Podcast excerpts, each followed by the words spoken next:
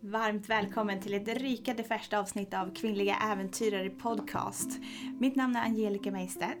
Och jag heter Emily Bröms. Och idag har vi med oss en gäst här i studion. Johanna Nygård som är VD för outdoorbyrån Systrarna i bergen. Och med henne så pratar vi om vad systerskap egentligen är och hur viktigt det är att faktiskt kommunicera utifrån ett kvinnligt perspektiv i en bransch som annars är väldigt mansdominerad och styrd av manliga ideal. Tillsammans så pratar vi utmaningar som uppstår som egenföretagare och som äventyrare. Hinder som kan komma på vägen och hur man kan använda mentala verktyg för att eh, komma förbi de här och runt dem och följa sitt hjärta.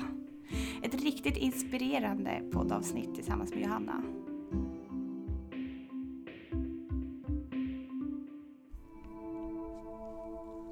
Morakniv vill att fler ska upptäcka naturen och allt härligt som finns där ute. Kvinnliga äventyrare jobbar för att inspirera tjejer och kvinnor att upptäcka sina alldeles egna äventyr. Här pratar friluftsentusiasten Emily Bröms och vandringsbloggaren Angelica Meistedt om just äventyr. Om vad äventyr egentligen är, hur friluftsliv fungerar, jämställdhet i naturen och helt enkelt vad som händer när vi kliver utanför dörren. Välkommen! Johanna Nygård, hjärtligt välkommen till Kvinnliga Äventyrare Podcast. Tack så mycket. Vad roligt att ha dig med. Det känns jättekul att få vara med. Vad har du gjort idag? Eh, idag så vaknade jag upp här hemma i Åre efter några dagar i Stockholm och det känns superhärligt för första snön har fallit allra högst upp på topparna. Eh, och annars så har jag suttit inne och jobbat idag men jag vill ta mig ut så att imorgon då måste jag lägga några timmar utomhus. Och vad, när du är utomhus, vad blir det oftast? Ja, nu blir det ju inte kanske det jag oftast hade valt i och med att jag var med om en skada eh, här i slutet av vintern. Så just nu är det framförallt att jag är ute och vandrar i skog och berg och ja, runt sjöar. Och har du några riktiga sådana Åre-favoriter du vill dela med dig av? Vill jag bara kasta in direkt i början så här. ja, absolut. Eh, jag har ju försökt upptäcka Åre. Jag är en sån som vill upptäcka vintertid allra helst. Men nu under sommaren så, så har jag verkligen så försökt eh, se mig om i Åre. Men eh, jag måste säga att Frö och gruva är otroligt, otroligt fint. Eh, det är verkligen en pärla som ändå är så nära Åre. Sen tycker jag ju om Vålådalen och eh, Ottsjön väldigt, väldigt mycket. Vi ska komma in mer sen på din skada. Mm. Men om vi börjar med, vem är du? Vem är Johanna Nygård? Ja, jag är uppvuxen i, strax utanför Umeå eh, med en familj som alltid haft ett stort eh, friluftsintresse, framförallt vintertid. Jag har en bakgrund inom elitidrott eh, som är lagsport. Och eh, ganska så snart efter att jag både hade läst klart eh, gymnasiet och universitetsutbildning inom kommunikation så flyttade jag till Stockholm. Och i Stockholm så har jag bott nästan tio år där jag har jobbat med reklam och marknadsföring. Och här någonstans eh, under mina sista år i Stockholm så hittade jag tillbaka till skidåkning och vem jag var när jag var liten. Eh, och i hela den eh, resan som jag gjorde så startade jag också ett företag som heter Systrar i bergen. Så det är vad jag framförallt sysslar med idag, att jag driver den outdoorbyrån. Och hur hittar du tillbaks till den du var? Genom skidåkningen som kom att bli otroligt viktig för mig eh, i form av vem jag, vem jag är eh, och vad jag tror på. Den ger mig den glädje och lycka som jag vill ha i mitt liv och när jag känner mig allra mest hel i mig själv. Kommer det här från din barndom? Du sa att ni var ute mycket. Ja, vi har åkt väldigt mycket skidor, både alpint och längd, eh, när vi var små. Och jag har alltid tyckt att det har varit kul och jag har alltid gillat vinter. Eh, men någonstans när jag kom upp i tonåren så eh, ville jag bryta mig loss och göra min egen grej och då eh, slutade det med att jag började spela innebandy eh, och gav väldigt mycket tid åt det så att till slut så blev det en elitsatsning. Eh, och det är också en vintersport. Vilket gjorde att jag helt valde bort eh, vinter utomhus och eh, höll mig inomhus istället med den satsningen. Och sen när du var i Stockholm då, hur rent faktiskt kom du in på skidor igen? För det känns ju inte som att Stockholm och alpint är så jättekompatibelt. Nej, det kanske det inte är, fast ändå kanske. Eh, det som hände var att jag hade läst utbildningar eh, utifrån då kommunikation och media. Och så hamnade jag på en reklambyrå eh, som produktionsledare. Det var mitt första jobb på en reklambyrå i Stockholm. Och då var det två ägare eh, på den här byrån som eh, hade bott flera år i Schweiz.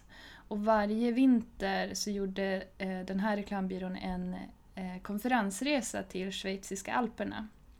Så att eh, jag eh, kom till Engelberg, som är då en destination i Schweiz, för sju år sedan.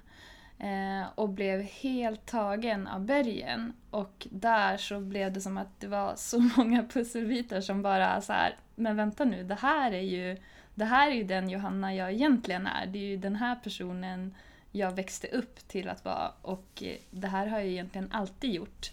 Även fast det kändes som att det var länge sedan jag hade åkt skidor då. För att jag hade haft ett uppehåll på nästan tio år. Eh, och så det blev någon otrolig, något lyckorus bara där när jag satt i liften och fick åka i de här backarna och bara hela den här känslan att vara tillsammans med det här gänget och sällskapet eh, från reklambyrån. Eh, så det väckte en väldigt stor lust att det här vill jag definitivt göra mer av. Jag ska åka mer skidor. Och vad gjorde du därefter? Du åkte mer skidor, men vad var det som faktiskt fick dig att ta steget sen till att starta Systrar i bergen som ju faktiskt är ditt jobb idag? Ja, saken var att från den här resan till att börja vilja åka skidor igen så fanns det ett problem för mig.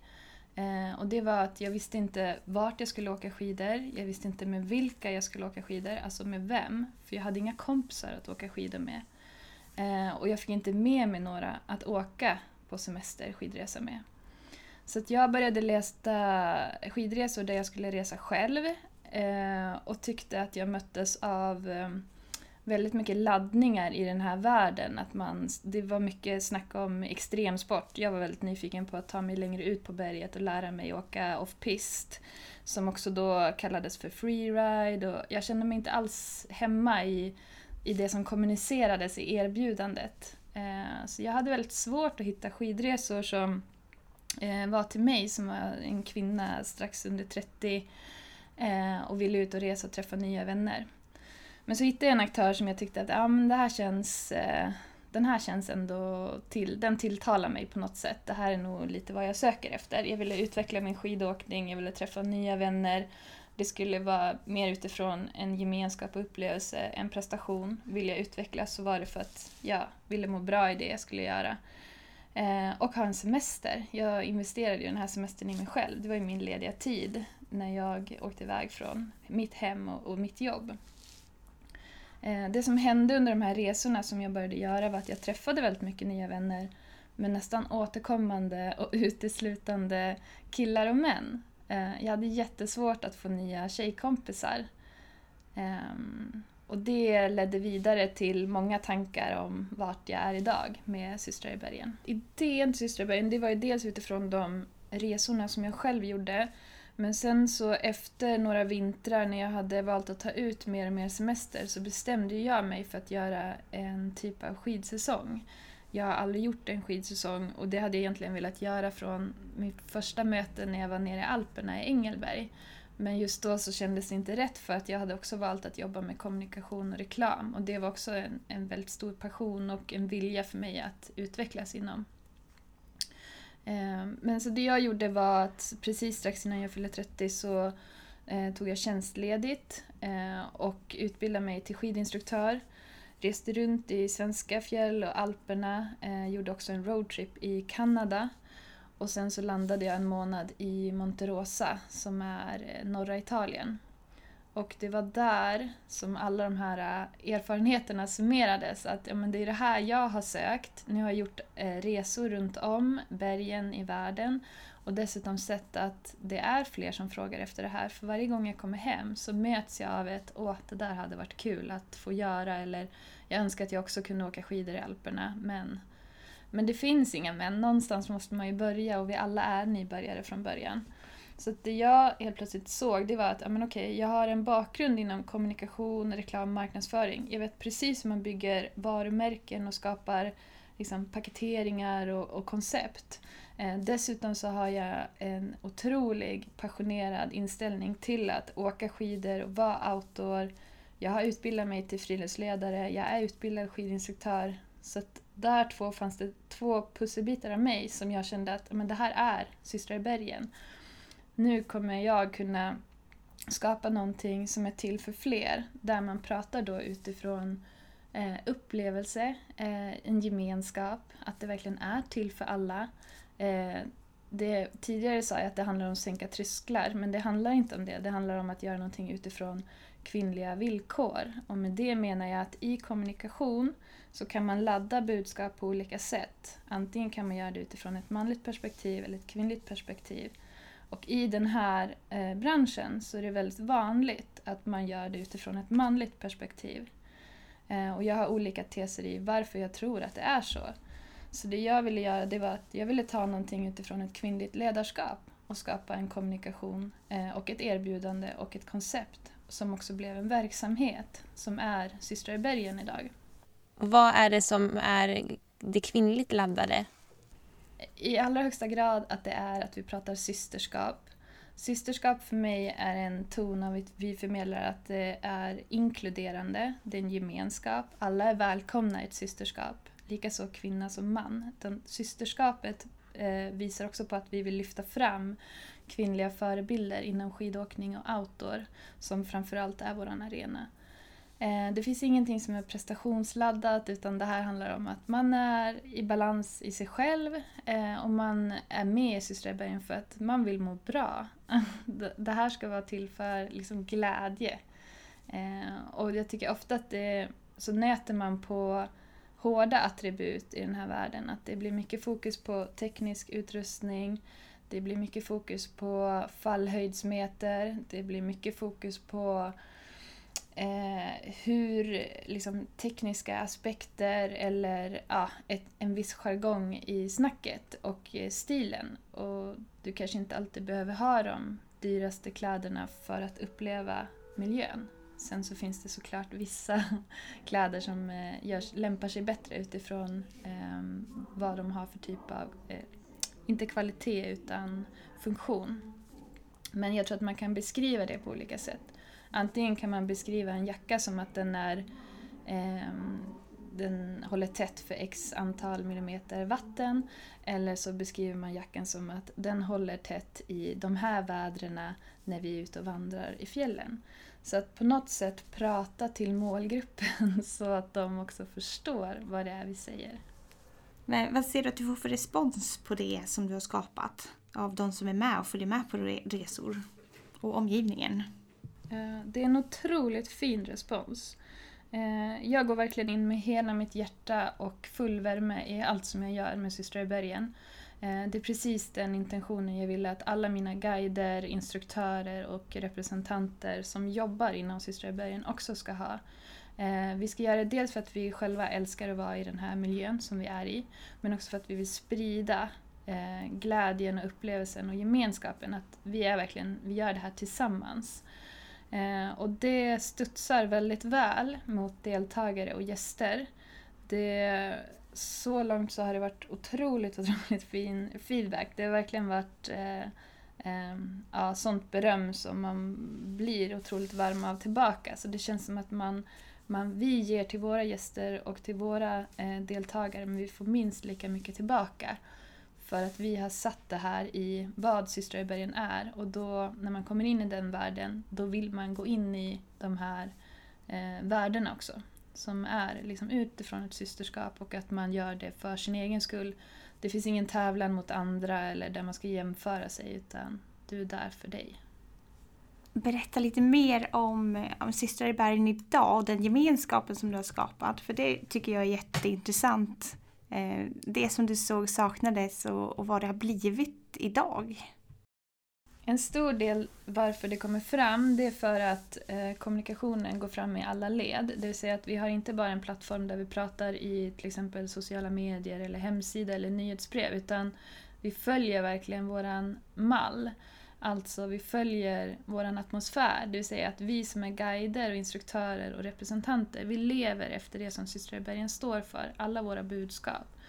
Så att när vi eh, alltid välkomnar, om det är en resa eller en, en, eh, ett event, en systerträff, en kurs eller liknande så finns det alltid med en presentation eh, och ett hej och välkommen.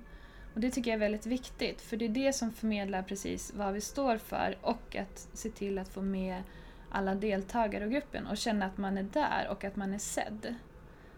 Det är jätteviktigt systrar Ben. Att kommer du dit så så blir det väldigt personligt hela tiden i allting vi gör. När du skulle ta steget, ta tjänstledigt och starta Systrar i bergen, hur gick tankarna då? Var det självklart att du skulle göra det eller fanns det, fanns det tvivel någonstans? Kritiska röster från omgivningen och från insidan? ja, det finns alltid tvivel. Eh, frågan är hur man hanterar dem. jag tror att hur bra man än tycker att en idé är eller inte så finns det nog alltid något tvivel. Och det kan ibland vara så att det inte är du som har allt tvivel men det kommer alltid vara någon i din omgivning som har tvivel. Eh, det är så många som har ifrågasatt min idé eh, redan från start. Vilket eh, jag till viss del kan förstå för de såg inte vad jag såg. Jag försökte förklara mina visioner. Eh, jag försökte förklara vad det är jag ska göra. Det har varit väldigt svårt för många att placera Systrar i bergen i ett fack. Vad är det för någonting? Är det en resebyrå? Är det en influencer? Är det en community? Är det ett projekt? Är det camp? Det är liksom, man hittar ingenting att placera det i. Vilket gör att det finns en osäkerhet. Eh, och jag är medveten om det för att jag har eh, medvetet gått ut och skapat någonting som är helt nytt. Det finns ingenting. Systrabergen bergen är unikt idag. Eh, så jag är medveten om att det är en utmaning. Eh, och då gäller det precis så här, hur hanterar man tvivel? Dels i sig själv, eh, från första start när jag ska gå och fråga då min dåvarande reklambyrå om jag får vara tjänstledig. Eh, eller om det handlar om att besvara andras frågor om eh, varför eller hur ska det här gå eller eh, jag förstår inte eller det här kommer aldrig funka. Eh, och sen är det bara så, det finns bara en person som kan ge dig möjligheten och chansen och det är du själv. Det finns ingen annan. På samma sätt som det inte finns någon annan i hela världen som kommer kunna stoppa dig. Eh, det är du som har valet och så är det alltid. Sen finns det olika hinder eller utmaningar eller ja, händelser som du ska eh, ta dig igenom eller lyfta eller gå under och så vidare. Eh, men det handlar verkligen om att våga. Eh, och om det är någonting jag har lärt mig så är det att ju mer jag vågar eh, desto starkare blir jag både mentalt eh, och i mitt självförtroende att göra mer av det jag tror på. Men det är också en typ av träning att göra. Vilka är dina nycklar då som har gjort att du har övervunnit de här hindren och som har tagit dig dit du är idag? Jag tror att det är väldigt viktigt att göra någonting som är sant för en själv. Alltså du måste göra någonting som du tror på. Eh, och också så här, eh, Eh, de här, det finns ju många frågor som man kan ställa sig själv utifrån ett varför man gör saker. Eh, men för mig är glädje och passion väldigt drivande i känslor om varför jag gör någonting. Eh, så länge jag har med mig min glädje som verkligen kommer inifrån i allting jag gör, då känner jag att då får jag mer energi. Det vill säga att jag sätter mig i platser och situationer där jag mår bra. Ett sådant exempel är att jag flyttade till Åre från Stockholm för att jag kände ett stort behov av att få vara nära naturen. Eh, för att den ger mig den boost jag behöver. Och eh, samtidigt så har jag valt att behålla storstäder ibland och resande och det är för att behålla min kreativitet och att jag får nya influenser i det jag gör. någonstans där så har jag valt min plattform där jag vet att jag kan falla tillbaka på oavsett hinder som jag möter. För då är jag liksom i, i, mig, i mitt eh, bästa rum eller vad man ska säga. Sen tror jag att man kan hitta andra eh, fysiska och inre platser. Eh, min yogamatta till exempel är jätteviktig för mig. Min dagbok är jätteviktig för mig. Eh, tända ljus kan vara jätteviktigt för mig. Vänner kan vara väldigt viktigt för mig. Min mamma är en jättestor del i, i det här arbetet framåt. Så det kan vara, men det gäller att hitta liksom kanske nästan identifiera så här, vad är dels mina styrkor i trygghet, om man nu ska kalla det för vad är trygghet egentligen? Men vart är mina styrkor där jag känner mig trygg utifrån kanske att jag vet att jag har mod, jag vågar vara den jag är och så vidare. Eh, sen kan du ha andra nycklar eh, utifrån hur du utvecklas eller driver saker framåt, men det kan ju vara mer konkreta saker som att du har kunskap eller att du vet om saker eller att du kan hantera, agera utifrån erfarenheter och så vidare. Du har ju pratat lite om ja, hinder och motgångar, men mm. vad är det största motgången du har gått igenom? Första? Ja. Um, jag tyckte att det var jätte, jätte, jättejobbigt att registrera ett bolag. Alltså för mig var det ett sånt stort uh, steg att eh, skicka in en ansökan till Skatteverket om att registrera ett aktiebolag. Eh, det kändes som att jag skulle fuska mig fram, eh, för jag har aldrig drivit ett företag tidigare. Eh, jag visste ingenting om hur man gjorde. Eh, visst, jag hade läst på hur mycket som helst. Jag hade köpt böcker, plöjt igenom internet, frågat eh, eh vänner, bekanta, personer jag träffat som drev företag. Men jag hade inte drivit ett företag tidigare. Så att, att bara liksom göra den ansökan och skicka in eh, ett registreringsbevis, det satt väldigt långt inne. Eh, och det var då nästan en rädsla, så här, men gud, klarar jag av det? Kan jag starta ett företag? För mig var det en sån stor deal. Vilket idag känns så här, men herregud, det är klart att du kan. Det kan vem som helst göra. Det handlar ju bara om du vill. Eh, så att men det var i alla fall en jätteprocess för mig. Så att det dröjde. Det var inte så att jag bestämde mig på dagen att nu startar jag ett företag utan jag höll på att arbeta med Systrar i bergen ett halvår innan jag faktiskt registrerade bolaget. Vilket också kanske är bra för att det, någonstans ska man ju ha en plan i det man gör och någon typ av strategi. Eh, men det var verkligen så från en dag till en annan. Så när jag hade skickat in och registrerat bolaget och sen när jag fick beslutet ganska kort därpå, då var det bara så här, jaha, det var inte svårare än så här. Eh, sen så var det ju liksom resan vidare till hur, hur börjar man jobba med företaget som nu är registrerat. Eh, men det var liksom ett av de stora hindren och det är ju eh, idag ett, eh, ett väldigt litet hinder skulle jag säga om jag jämför med vad, eh, vilka utmaningar jag jobbar med eh, framåt. Så, men det är ju så, man, man växer eh, eftersom. Eh, och jag tror också att ju större risker och utmaningar du tar dig igenom, desto större kommer utdelningen att bli. För du har ju en väldigt spännande utmaning framför dig just nu med tanke på den här skadan som vi nämnde lite förut.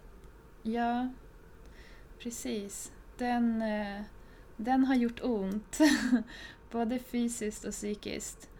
Eh, inte, det var i början av maj som eh, jag hade en eh, väldigt kort ledig helg i Åre. Och så kände jag att nej, jag måste verkligen ta mig ut och åka skidor. Det var jättefint väder, eh, bra med snö. Och eh, ja, jag bestämde mig för att göra en topptur eh, ute vid Storulvån. Eh, och den här dagen så gick det inte så som man hade önskat kanske, utan jag var med om min första skidolycka som eh, ledde till en skada där jag eh, krossade min knäskål i en extrem smäll i hög hastighet och fick en rejäl smäll på mitt ledband. Så det resulterade i en extrem eh, upp och nervänd situation där jag bara dagarna efter skulle resa till Riksgränsen och göra sista skidresan med systrar i bergen den vintern för privatresor och sen hade vi en ännu större resa veckan därpå till Riksgränsen. Eh, och det här var eh, tankar som dök upp när jag låg på sjukhuset tillsammans med ett eh, Vad fasen händer nu? Eh, det, var, det var tufft för att man är riktigt sårbar när man driver en startup, när man är själv i någonting. Eh, det finns inga försäkringar utan den enda försäkringen du har det är dig själv. Och helt plötsligt så hade jag eh, skadat mig eh, och vilket ledde till att jag inte kunde använda min kropp. Jag kunde inte göra mitt jobb inom Systrar i bergen och dessutom så skulle jag bli sjukskriven. Och vad gjorde du då? Ja, vad gör man? man gråter i i tre dagar och sen så tar man sig samman. Och eh, som jag sa i början så det är till slut så att det är du som har valet. Det kommer bara vara du som har valet. Du kommer aldrig kunna säga att någon annan har bestämt åt dig. Eh, sen kan förutsättningarna se olika ut eh, och det är klart att bara för att man väljer att lyckas så är det kanske inte alltid så att man gör det eh, på en gång. Så, men det jag bestämde mig för det var att men det här ska gå på något sätt. Eh, nu är det ju så att jag driver Systrar i bergen eh, men det finns ett team av guider och representanter som är med på den här resan eh, i allting som vi gör. Och under våra resor så är vi också alltid eh, minst två guider. Dels för att vi pratar systerskap där vi ska se alla under resor och event. Eh, men också för att vi ska kunna dela in efter nivå. Så att jag var inte själv på resan. Däremot så hade jag inte hunnit komma så långt i eh, vad Systrar i bergen är att jag hade hunnit släppa någon resa där jag inte var med. För att det är jag som har jobbat med det här kontinuerligt i då ett och ett halvt år. Eh, och det har inte mina guider gjort. Eh, och som vi pratade om tidigare, vad är det som är så speciellt med Systrar i bergen? Den känslan ska vi inte tumma på för vi, vi gör mer än bara en skidresa vi gör en skidresa tillsammans med systrar i bergen. Eh, men båda resorna blev av.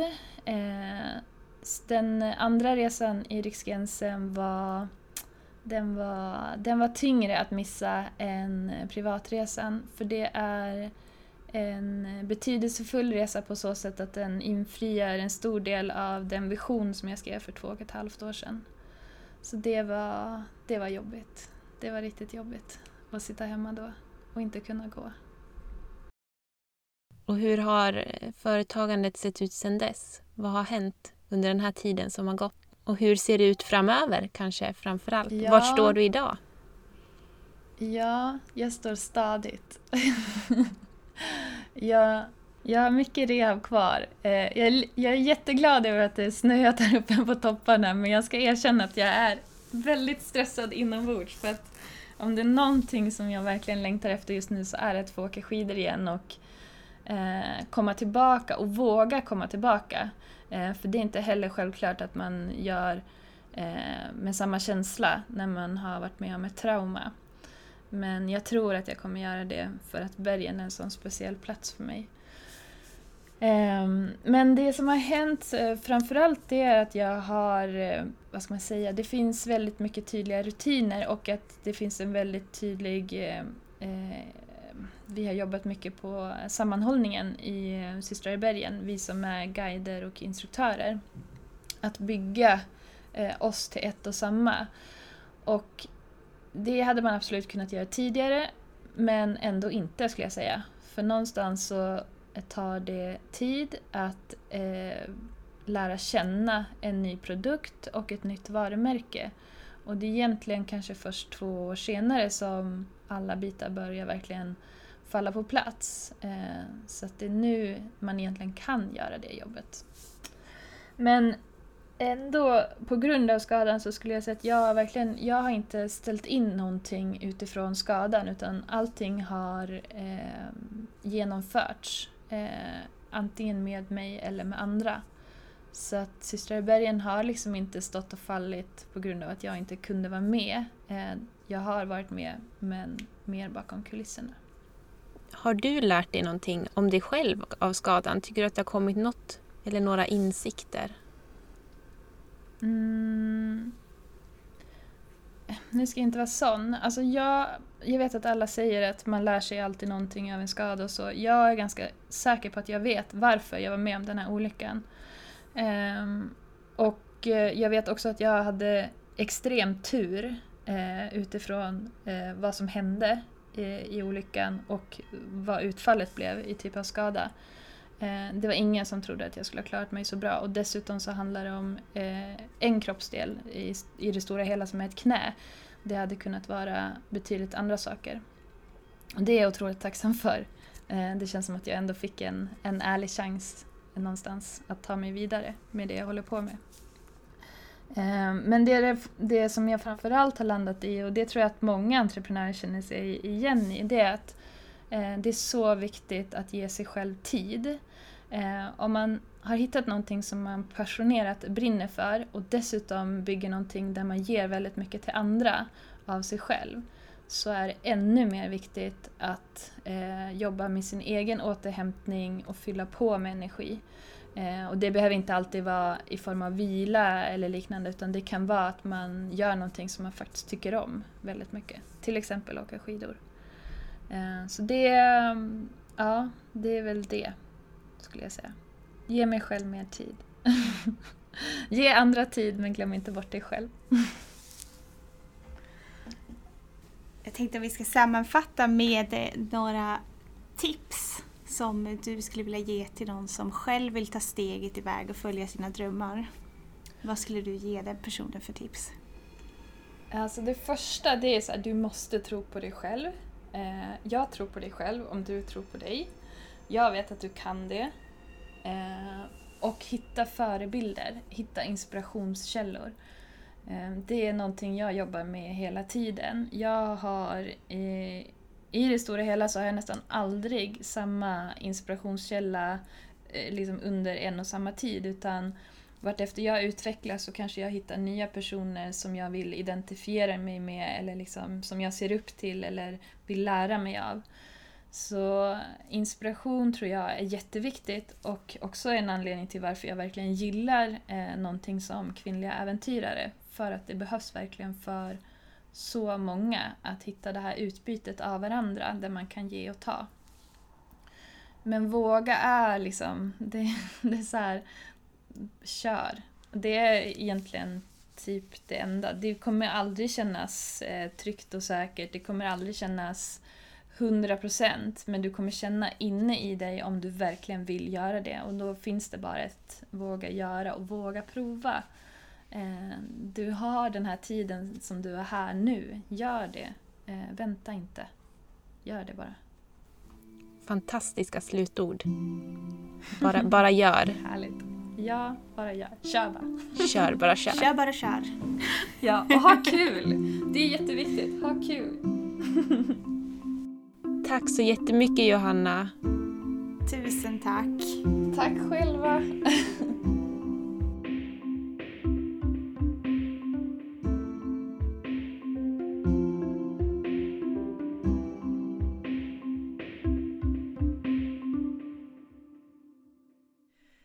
Har lyssnat på Kvinnliga Äventyrare podcast med Emily Bröms och Angelica Meistedt i samarbete med Morakniv och Vandringsbloggen. Vill du diskutera vidare så hittar du Kvinnliga Äventyrare på Facebook och på Instagram.